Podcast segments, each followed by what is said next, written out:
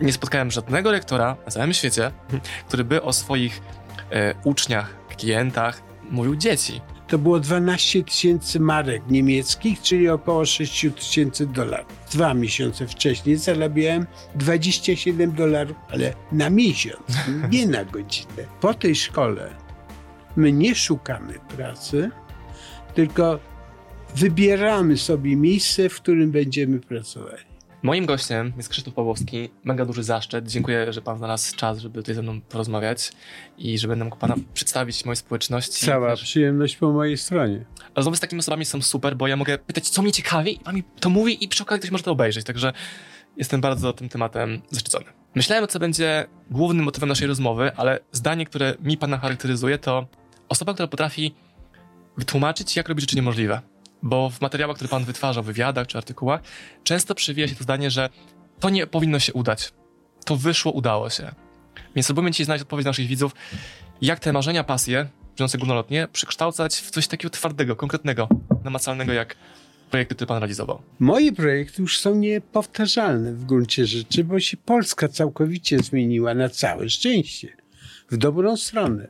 Wtedy to, y, Marcinie, musisz zrozumieć, bo byłeś prawie dzidziusiem, e, jak myśmy zaczynali w 1989 roku, to Polska była, jeżeli chodzi o sprawy biznesowe na pewno, ale także ja uważam, że w zakresie szkolnictwa wyższego swoistą pustynią. Więc w takim okresie, jeżeli się zasadzi nawet prawie że gałązkę, ale się podlewa i się wraca do tej, to ona może się zamienić w bardzo ładny krzaczek lub drzewko nawet. W moim przypadku, ponieważ szkoła, ja wolę słowo szkoła, nie uczelnia, szkoła brzmi lepiej w moich, w moich ustach. Szkoła była taką swoistą gałązką. Można powiedzieć, że to był pierwszy przypadek utworzenia szkoły biznesu poza Warszawą i jedną szkołą w Poznaniu. Prawie równolegle, ale wpisane były tamte y, 10 y, uczelni, już dziś teraz uczelni, y, przed moją szkołą. To był rok różnicy w gruncie rzeczy. Ja wiedziałem, że to jest niemożliwe. Ale ja zostałem w 89 roku senatorem i ani mi do głowy nie przyszło, żeby się starać o coś dla siebie. Ja chciałem pracować po prostu dla Polski i dla mojego nowego sącza. Koniec, kropka. Jeżeli masz tak silne przekonanie o tym, że coś chcesz robić nie wyłącznie dla siebie, także dla innych, to rzeczy niemożliwe stają się możliwe. Ale czy to przekonanie się ma, czy je odkrywa, czy się je buduje? Pomysł na szkołę to był na, można powiedzieć, nie mój, bo ja już jako y, początkujący senator wraz z kil, kilkoma innymi osobami z ówczesnego klubu par, parlamentarnego e, Solidarności w gruncie rzeczy, tak to nazwijmy, obywatelski klub parlam- parlamentarny, a tak naprawdę reprezentowaliśmy wtedy Solidarność. E, Zostaliśmy zaproszeni do Niemiec e, przez fundację Adenauera zresztą. Po co? Żeby zobaczyć w praktyce, jak wygląda normalne życie, czyli jak wygląda gospodarka społeczna, kapitalistyczna jak wygląda życie demokratyczne. Nie w praktyce, w, nie w książkach, tylko w praktyce. I nam przez parę dni, to chyba było 5 czy 6 dni, stworzono absolutną, fantastyczną możliwość dotknięcia, bo nie rozpoznania do końca, dotknięcia właśnie y, iluś instytucji, między innymi małą uczelnię biznesową, prywatną, co wtedy było nawet w Niemczech dość niezwykłe. Jak zaczął ten dyrektor, bo tam forma była taka właśnie dyrektor, nie rektor, opowiadać uczelni, ja uznałem, że to jest niemożliwe. Żeby Poważnie. zadziało się u nas w Sączu, na- w rejonie, tak? Czy w ogóle w Polsce wtedy? Nic się takiego nie działo. Nic się takiego nie działo. Poza tym, że Nowy Sąd zawsze, a szczególnie w moim sercu, miał e, to znaczenie, tą pozycję więcej niż y, tylko miasta. Instytucji, legendy wręcz. Już wtedy. Niezwykłej. Więc dla takiej legendy warto zrobić coś niezwykłego. I tam wtedy tak byłem zszokowany tym, co ten dyrektor mówił, że poprosiłem o spotkanie ze studentami. A, to jest jeszcze jedna informacja ważna, mianowicie do tej szkoły kandydowało kilka tysięcy osób. Wyobraź sobie, było 100 miejsc. Autentycznie. A koszt był niewiarygodny. To było 12 tysięcy marek niemieckich, czyli około 6 tysięcy dolarów. Dla mnie wtedy, ja jeszcze miesiąc, dwa miesiące wcześniej zarabiałem 27 dolarów, ale na miesiąc, nie na godzinę, na miesiąc. Bo to marki, no wiadomo, to była wtedy bardzo szacowana, e, można powiedzieć, jedna z najmocniejszych e, pieniędzy na, w mojej głowie, ale dolary jednak były ważniejsze pomyślałem sobie, rany boskie, przecież mogą studiować tuż obok, dosłownie kilkadziesiąt kilometrów od tego Walendar było ileś wspaniałych uniwersytetów niemieckich, w których można było studiować za darmo. Mało tego, można było nawet studiować dłużej, powtarzać rok. Dlaczego? Niemcy sobie bardzo sprytnie w ten sposób obniżali bezrobocie. I tu nagle się kilka tysięcy osób stara o to, żeby zdobyć jedno ze sty, z tych stu miejsc. Po co? Żeby skończyć tą szkołę w Walender. Trwała cztery lata. No i zaprowadzono je pod jakieś drzwi. Ja nawet pamiętam, gdzie się znajdowała klamka w tych drzwiach, gdzie stało kilkoro.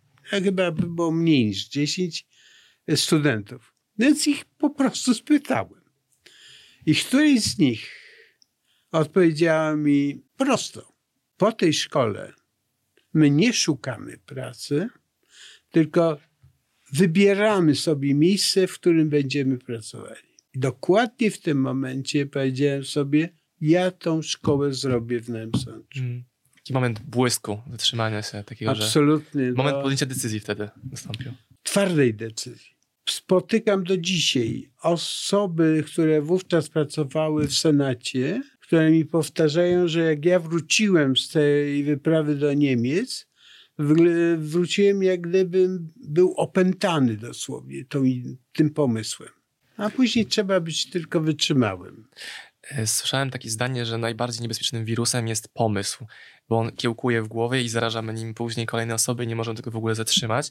I tak mi się właśnie z tym pomysłem u pana e, to kojarzy, że to było tak mocno silne, może to nawet jakaś taka nadrzędna moc panem kierowała, że pan poświęcił swoje życie temu, żeby ten cel realizować. Tak było? Ja, ja ten moment nazywam iluminacją. Mhm. Ja myślę, że jestem zbyt prostym człowiekiem, żebym otrzymywał z góry jakieś nadrzędne zadanie. Nie, ja chciałem w ten sposób zbudować wielkość Nowego Sącza. Z początku tylko Nowego Sącza. Wtedy w ogóle do głowy mi nie przyszło, że minie tylko kilka lat i okaże się, okaże się że będziemy miał studentów z całej Polski, a kilku, po kilkunastu latach miałem z wielu państw świata. O ile pamiętam, z 37 państw świata do nas y, wylądowali studenci. Ja o WSB po raz pierwszy usłyszałem, gdy sam stawałem przed wyborem, gdzie ja chcę pójść po e, szkole średniej. Uczyłem się w Ogólniaku w Łącku i pamiętam, to z moje wspomnienia i teraz dla mnie niesamowite jest to, że mogę to wspomnienie połączyć z rozmową właśnie z z szefem tego całego przedsięwzięcia. I miałem takie przekonanie, że WSB jest dla mnie zbyt dobra i za droga. Czyli moje poczucie własnej wartości, samooceny, też finansów pewnie moich czy rodziców, było w zupełnie innym mentalnym momencie, że ja w ogóle nie brałem pod uwagę tej szkoły, bo uważałem, że jest całkowicie poza moim zasięgiem. No to, to jest dobry moment, żebym ja wtrącił jedną rzecz.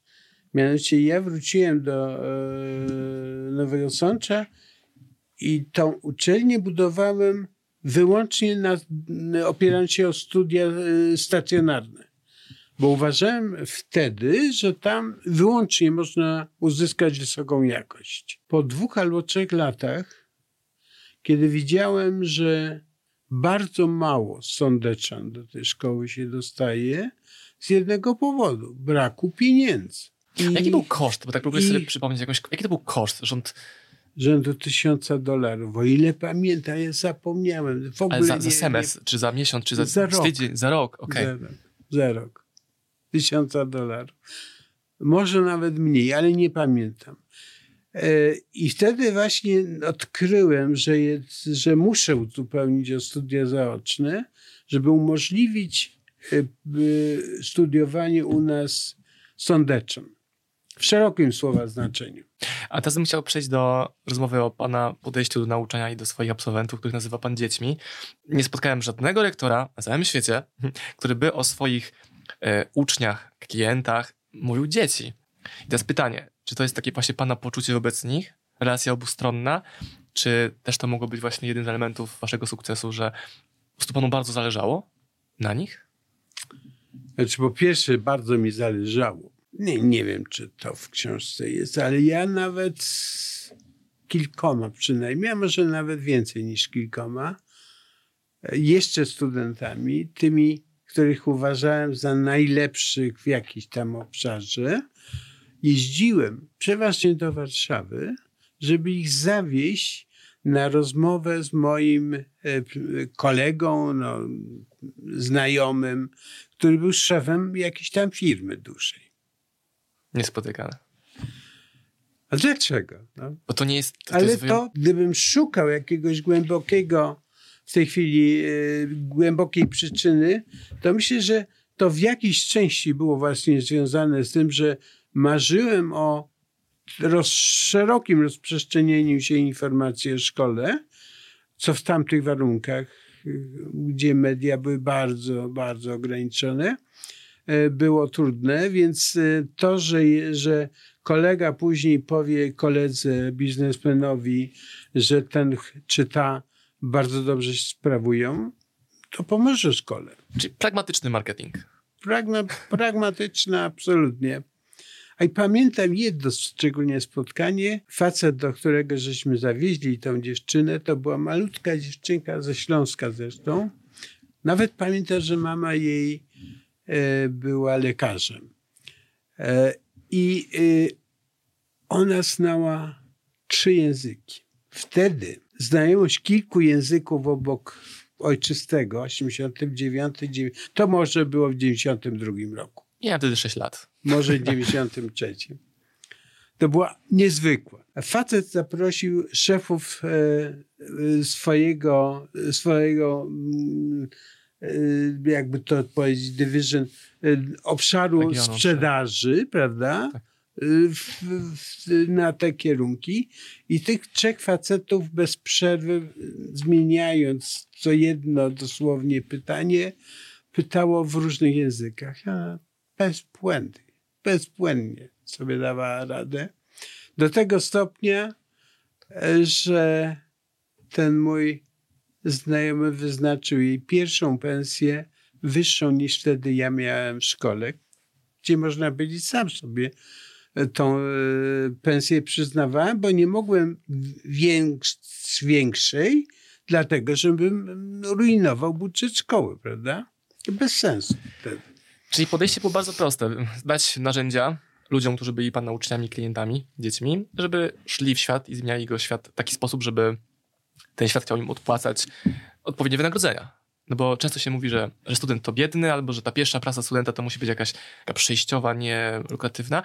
A z drugiej strony mamy teraz spore oczekiwania młodych ludzi co do ile chcą, versus to, ile mogą dać, jest duża dysproporcja. Tak jest teraz często bardzo. Widzę jako pracodawca zarówno, jak i osoba, która szuka tego talentu cały czas, jest rozbieżność w tym produkcie, ty- tym, co on chce i tym, co może mi dać jako przedsiębiorcy. Ja mam myśli, czemu tak się dzieje, że jednak nie idziemy w kierunku tego, że ludzie rozumieją jeszcze bardziej, że muszą być produktywni i przydatni i wtedy pojawiają się nagrody, a nie, że są nagrody i być może będą później produktywni. Marcinie, powiem coś, co może być kontrowersyjne. Często młodzi ludzie w tej chwili kończący już szkoły średnie a nie mówiąc o studiach, są rozkapryszeni przez, przez życie, przez obecny standard. To chyba jest naturalne. Przez to, że ten standard Tamto mają już wyższy niż... Po, Mhm. tamto pokolenie, także chyba jeszcze twoje pokolenie, e, miała rodziców i dziadków albo ubogich, albo niemal ubogich. To wyjście ponad standard dotychczasowy było marzeniem większości tych młodych ludzi, na przykład twoim, prawda? I to e, dawało tą siłę wewnętrzną. Chęć wyrwania się z małej miejscowości, nie wiem, kupna rzeczy, których chcieliśmy, a nie mieliśmy i trzeba było... Nie było opcji, że rodzic mi da, tylko albo znajdę sposób, albo Dokładnie, nie mam. Dokładnie, dokładnie. Nie, nie chcę powiedzieć, że uważam, że obecnie ludziom jest za dobrze. Rodzicom jest znacznie trudniej w tej chwili wychować dziecko we właściwy sposób. Sam sobie te pytania zadaję, bo mam dwójkę dzieci, trzylatka i pięć miesięcy. Oni mają wszystko, jakby nie widzę rzeczy, które mieliby nie mieć. To samo podstawowych- co moi wnukowie. Ja nie mówię, że jest to złe, ale sobie zadaję pytanie jako ojciec, no, jak prowadzić Dokładnie. moje dzieci, żeby dużo one były trudniej, przede wszystkim trudniej. samodzielne. No bo one nie czują braku. Mają wszystko. Teraz mają i, i ubrania, i, i pampersy, i jedzenie, i wycieczki. Później będą miały też i telefon, i komputer, i kieszonkowe, i lekcje, i taką lekcję. I... Moja córka trzyletnia już chodzi na balet, karate i na robotykę. A Moja może za dużo. Proszę? Może za dużo. Powiedziała, że już nie chce karate. Ale, ale czy ma czas na rozmowę z tobą i ze swoją mamą? Ma, bo nie... Częstą rozmowę. My robimy właśnie tak biznes, mamy poustawiony, że spędzamy z sobą, ja z żoną całą dobę, mamy wspólny biznes z moją wspólniczką, e, mamy home office zrobiony tak, że pracujemy i żyjemy w tej samej przestrzeni cały czas i jesteśmy z sobą cały czas jako rodzina. Nie staramy się zutylizować dziecka, żeby tam gdzieś poszło w kąt i robiło swoje. Nie mam w ogóle telewizora w domu, co to szokuje O, mnóstwo a to, znajomych. to muszę powiedzieć, że to jest dobry pomysł. Brak telewizora. Tak. Ponieważ dziecko napotyka swojego rodzica od czasu do czasu. No i jest strasznie ważne, żeby z tym dzieckiem mieć ten kontakt bezpośredni. Od małego, ja wiem, że to jest bardzo trudne. Ekstremalnie trudne. Łatwo jest dać komórkę i włączyć bajkę i dziecko Dokładnie. nie ma, jest hipnoza i my wybieramy z żoną tą trudniejszą drogę. My wiemy o tym, bo cena jest ogromna, no bo to jestem tutaj, nie robię innych rzeczy. I ten czas na pracę muszę grać w nocy, rano, gdzieś tam, jak na drzemkach te rzeczy realizować. Ja miałem takich studentów, którzy realizowali swoje marzenie, żeby studiować u mnie, pochodzących z bardzo biednych rodzin. Ja do dzisiaj pamiętam, mam nadzieję, że on do mnie przyjedzie. Chłopak przychodzi i kładzie mi na biurku 6 tysięcy, albo jakąś tam dużą kwotę dolarów. On był biedny. Ja widziałem, że on z trudem utrzymuje się na powierzchni. To znaczy zapłaci te e, czesne. Nie. On wyjechał do Niemiec po to, żeby rozładowywać wagony z węglem. Wyobrażasz sobie trudniejszą pracę? Ja sobie nie wyobrażam. Tylko po to, żeby pomóc mm, mm, nie, nie szkole, przetrwać ten trudny okres. Wiesz, ja po udarze straciłem większość swojej pamięci. Ale tą sytuację dokładnie pamiętam. No oczywiście, że kłopoty były znacznie głębsze niż te pieniądze, które on e, położył.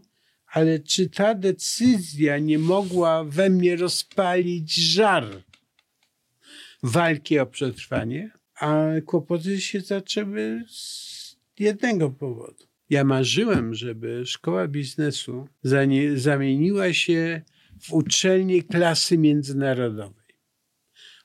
Czy by się nazywała uniwersytetem, czy akademią, czy tylko szkołą biznesu, to nieważne.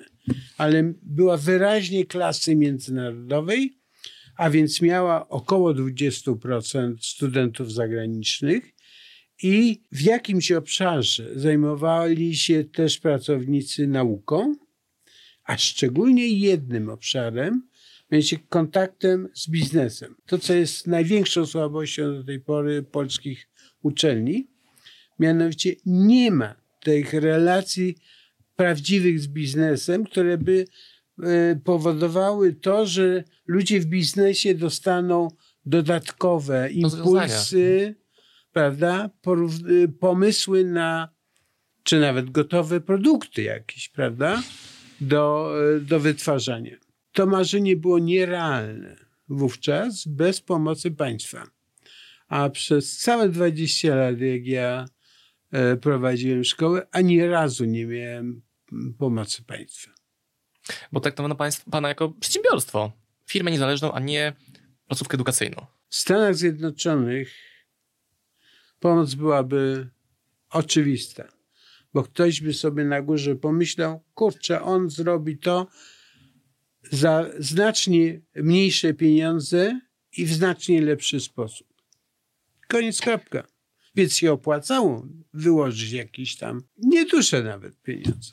Że dobrze zrozumiał, chodziło o to, że brakowało środków z finansowań zewnętrznych, czy skala działania była tak ogromna, że ten biznes nie był w stanie pokryć tych rachunków, bo trzeba by podnieść e, czesne trzykrotnie, pięciokrotnie, tym samym nie wiem, eliminując studentów jako możliwość e, nie, nie, uczenia się u państwa? Ja, ja, można powiedzieć, szkoła za dużo płaciła w stosunku do czesnego. Mhm. Płaciła swoim pracownikom. Myśmy zatrudniali w pewnym momencie 60 lektorów języków obcych, głównie angielskiego. Dlaczego? Bo w tamtych czasach, na początku e, tworzenia szkoły, czyli w latach szczególnie 90., znajomość języka angielskiego była bardzo rzadka. Mhm. To była największa przewaga mojej szkoły. No, w tej chwili to brzmi śmiesznie, ale wtedy to była gigantyczna przewaga.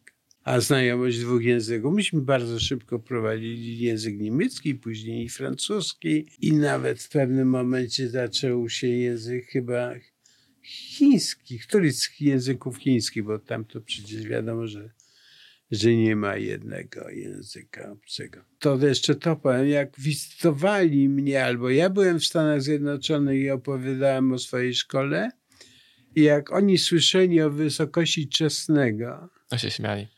To mówili, to jest niemożliwe, żebyś utrzymał tę szkołę. To jest niemożliwe.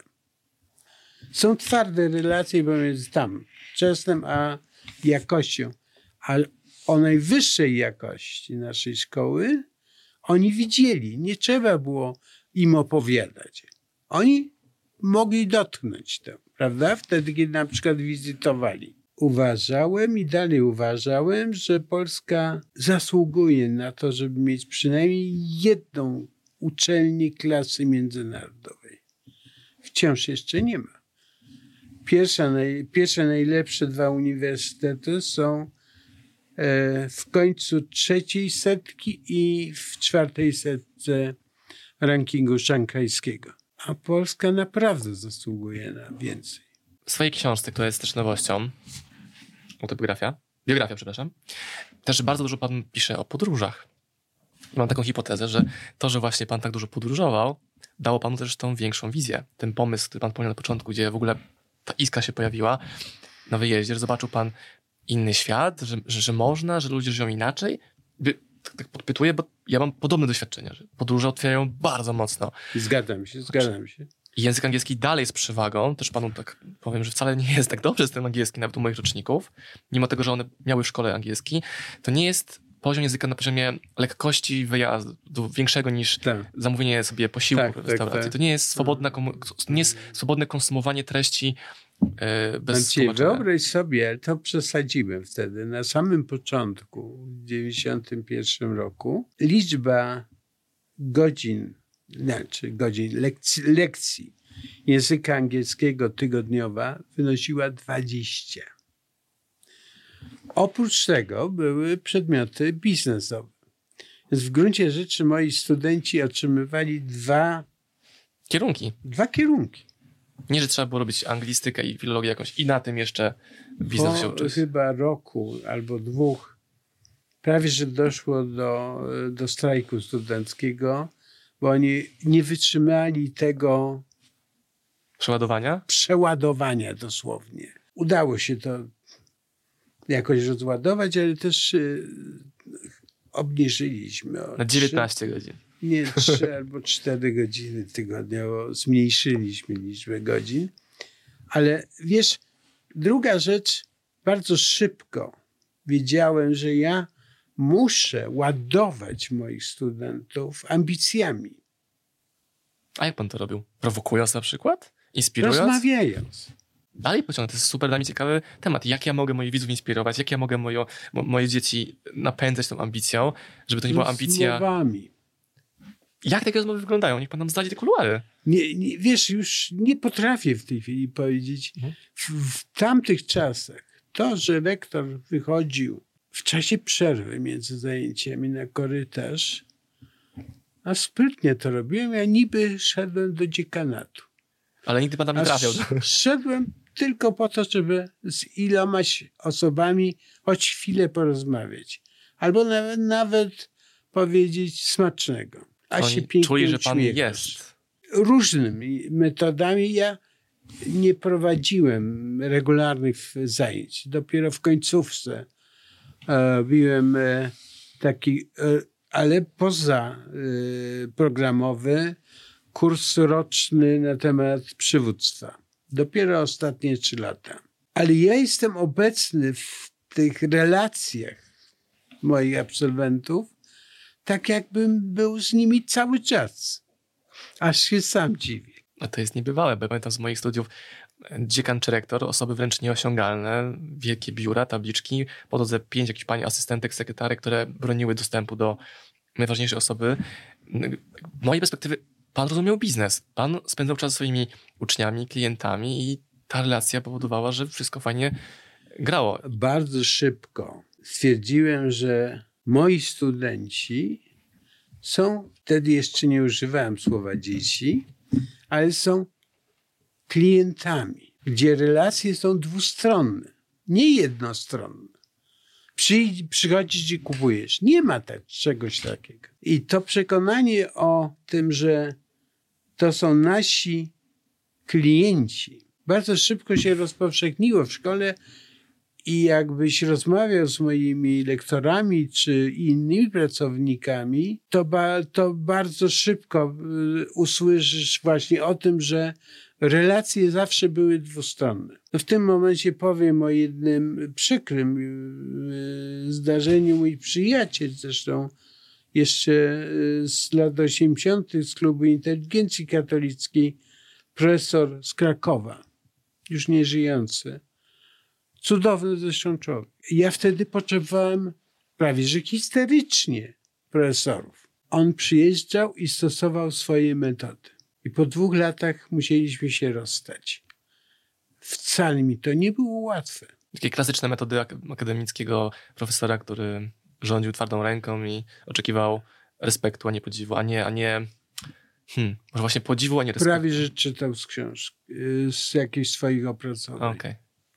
Czyli standard na uczelniach. Żółte folie, Od rzutnik. samego początku, ponieważ przyjęliśmy te relacje z e, Uniwersytetem Amerykańskim, moi e, studenci mieli student evaluation na koniec każdego semestru, Wow.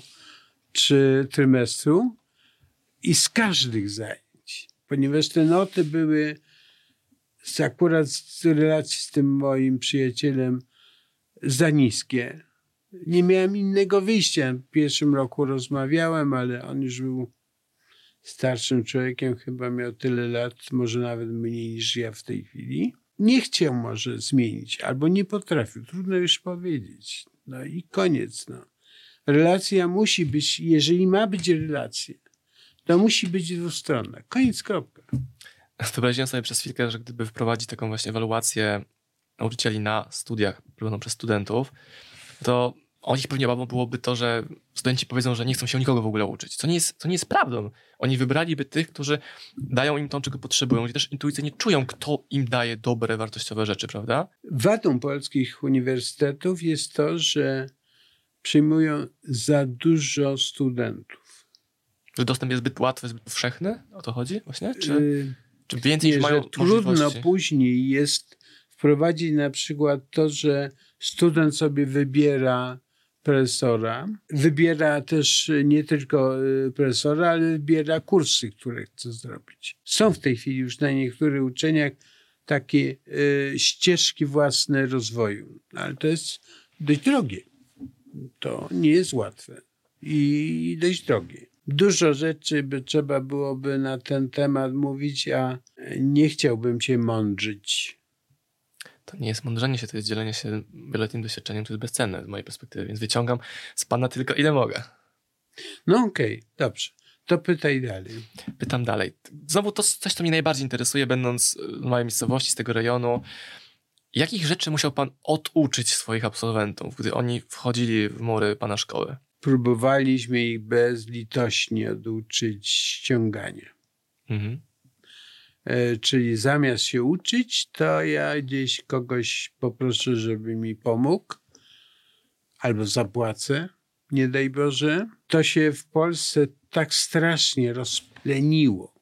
A to, to jest, jest tak obrzydliwe, wręcz obrzydliwe, bo wtedy kończysz studia i co? I komuś siebie przedstawiasz, a ty nic nie umiesz. To jest, nie, nie, nie mogę znaleźć lepszego słowa niż słowo obrzydliwe. Tośmy próbowali bezlitośnie eliminować, chociaż nie zawsze się to udawało. Nie zakazy działały, tylko dobre zwyczaje, dobre postacie. I one znacznie więcej uczą, przyciągają do siebie następnych e, ludzi, którzy dzięki temu osiągają kiedyś sukces.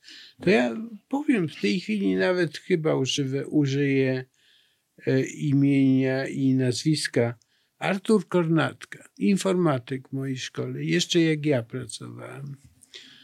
Niezwykły człowiek. Ja od razu zrozumiałem, że bez sensu jest mu kazać zrobić doktorat. Niezwykły facet. Geniusz informatyczny, mm. absolutny Dzięki niemu uczelnia zrobiła Cloud Academy w tej chwili i dzięki niemu głównie, bo to jest cała grupa ludzi przecież za tym stoi, e, w tym mijającym roku po raz pierwszy e, w USBNL-u przekroczyło 5 tysięcy studentów. Mój najlepszy rezultat to było 4170 chyba 6 tej chwili jest ponad 5 tysięcy studentów. Niebywałe. Uczelnia szorowała prawie pod nie przez dobre parę lat. I w tej chwili nie tylko dzięki Arturowi, ale on jest tą gwiazdą, która, liderem, który nie, jeszcze liderem, magnesem, który przyciąga do siebie następnych studentów, mhm. a którzy później kończą studia i niektórzy zostają jego pracownikami. Teraz już cała grupa. Jest zespół cały. I takich ludzi yy, jak w uczelni, albo nawet w szkole zwykłej, znajduje się paru, to oni swoim przykładem uczą najlepiej.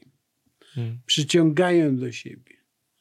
Tworzy, dzięki nim te prawdziwe wartości są przekazywane do następnego pokolenia. Ja studiowałem na Akademii Rolniczej w Krakowie na kierunku agroinżynierii i tam był Departament Informatyki właśnie.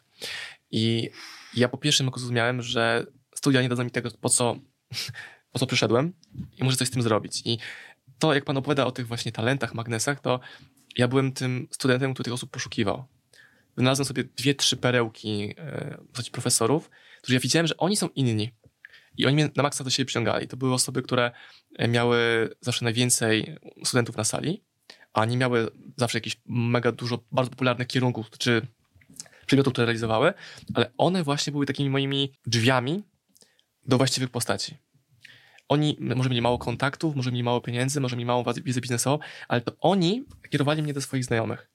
I pamiętam Krzysztofa Molendę, który zapoznał mnie później z Tadeuszem Golonką i nagle okazało się, że on dał mi dostęp do mentora, który był twórcą ogromnej firmy. Był już tak wysoko na poziomie swojego sukcesu, że on pracował na uczelni dla sportu wręcz, bo miał zakaz konkurencji, bo firmę za ogromne pieniądze. Czyli ja sobie załatwiłem takie moje prywatne studia dzięki tym właśnie magnesom, które z jakiegoś powodu na tej mojej uczelni się znalazły, one nie pasowały. I to dla mnie było niesamowite. Nawet moją pierwszą książkę zadedykowałem właśnie Krzysztofowi Molendzie, napisałem, że jako pierwszy dostrzegł we mnie to, czego sam wtedy nie widziałem. Więc wszystko, co pan opowiada, to jest, mam ciele na plecach. To są moje przygody z mojej uczelni, na której wtedy tego nie było jeszcze. Ale miałem tak ogromną potrzebę, głód, dyskomfort, że ja tego nie dostanę, że sobie po to sięgałem. Tak, to jest mój komentarz tego. Wow. To ci powiem, no może początek lat 2000. I to w śmiesznym miejscu, bo i w, ścież, w śmiesznym momencie. Mój student, który ma na imię Krzysztof, staliśmy w czasie dyskoteki. Ja nawet do dzisiaj pamiętam miejsce, gdzie staliśmy. Bo jedna z hal poprodukcyjnych, które tutaj e, istniały wtedy, było używane przez, przez nas jako dyskoteka. Mówię, dlaczego używane, bo ja też tańczyłem czasami ze studentkami. Ja wtedy Krzyśkiem rozmawiałem, on mi powiedział, że zostanie u nas tylko trzy lata, bo on chce następny y, stopień zdobyć MBA albo na Harvardzie, albo na Stanfordzie. Jest na dwóch najlepszych uczelniach na świecie. Patrzyłem wtedy na chłopaka i byłem z jednej strony szczęśliwy, że ma aż takie ambicje, a z drugiej strony jak on sobie da radę z tym, że nie osiągnie. Wyobraź sobie, wszystko osiągnął. A to się nie powinno udać.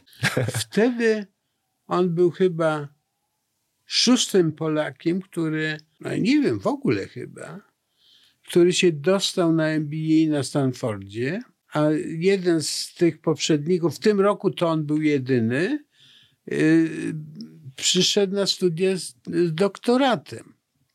A ten miał tylko licencję z WSBNL-u. No, plus y, oczywiście bakałaża NLU. I to jest case study, którym się pan nawet chwali, dzieli po latach. Dziękuję za rozmowę. Zachęcam również was, moi widzowie, żeby zapoznać się z pełną historią lektora Krzysztofa Pawłowskiego. Tutaj na kartkach tej książki pisał swoje przygody przeróżne. Polecam, pokazuję nawet zdjęcia z pana podróży mojej córce i mówi, że jest, podobna, że jest pan podobny do wujka Pita, także podobny wujka Pita również. E, dziękuję. Może my się spotkaliśmy o 20 lat za późno. Taką też myśl czasami. A może w właściwym momencie właśnie teraz. No, chciałbym mieć ciebie na studiach, bo widać, że byłeś tym produktem, znaczy tym, tym materiałem, z którego Do można lepienia. było ulepić e, dobry produkt. Ja przepraszam, że może e, mówiłem trochę nie za wolno i niezbornie. Idealnie. E, po tym udarze jednak trochę zostało. Kiedyś czarowałem ludzi. No podejrzewam, że do tego czaru... Teraz już nie umiem. Oczy, jak nie? Mam, miałem ciele przynajmniej dwa razy na plecach dzisiaj podczas tej rozmowy i myślę, że to wideo będzie bardzo ważne dla pana absolwentów, a ja zadbam o to, żeby to wideo zobaczyło ich jak najwięcej, bo myślę, że to właśnie przez nich, przez ich kliknięcie dotrzemy do innych osób, które pana nie znają, czy pana historii nie znają jeszcze. Dziękuję bardzo. Dziękuję. Wielka przyjemność.